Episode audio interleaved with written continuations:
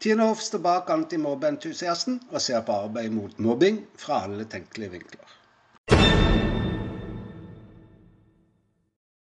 Det er slutten av desember 2020, og selv en så ung podkast som Antimobbeentusiasten skal oppsummeres. Nå inne i sin åttende episode burde jo det være fort gjort. Så hva har jeg forsøkt så langt?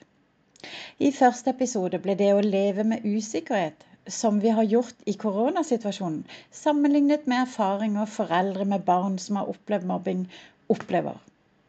I andre episode fremmes et ønske om å la være bli så skråsikker i et så usikkert arbeid som i kjølvannet av mobbing. I tredje episode bidras med tips til hva foreldre kan gjøre, både generelt støtte som vi alle kan gi, men også konkrete forslag til foreldre som er bekymret for om deres barn kan oppleve mobbing. Til foreldre som allerede er i mobbesaker og opplever samarbeidet som fastlåst, og til foreldre som har stått i saker lenge og opplever situasjonen overveldende. I den fjerde episoden utfordres antagelsen om at dagens skolemiljølov er god nok for barna som opplever mobbing. Før en ferie er det to ting jeg gjerne repeterer. Til offentlig ansatte anmoder jeg om å la være å sende dokumenter med krav til foreldre. Og til foreldrene ber jeg dem først sjekke dokumentfrister før de tar ferie. Og dette gjør jeg altså i episodene fem og seks. I forrige episode, altså nummer syv, snakkes det om konsekvenser for barna ved mobbing, og trekker da inn helseråd du og jeg kan følge, og dermed hjelpe barna på den måten. Så da var vi der, da. Det har helt klart vært et annerledes år. For noen barn som helt eller delvis ikke makter å være på skolen, har det vært et positivt år, faktisk. For også disse har opplevd at deres jevnaldrende nå vet akkurat hvordan de har det hver dag. Det har også vært et år der du og jeg har følt på noen av utfordringene foreldre til disse barna opplever.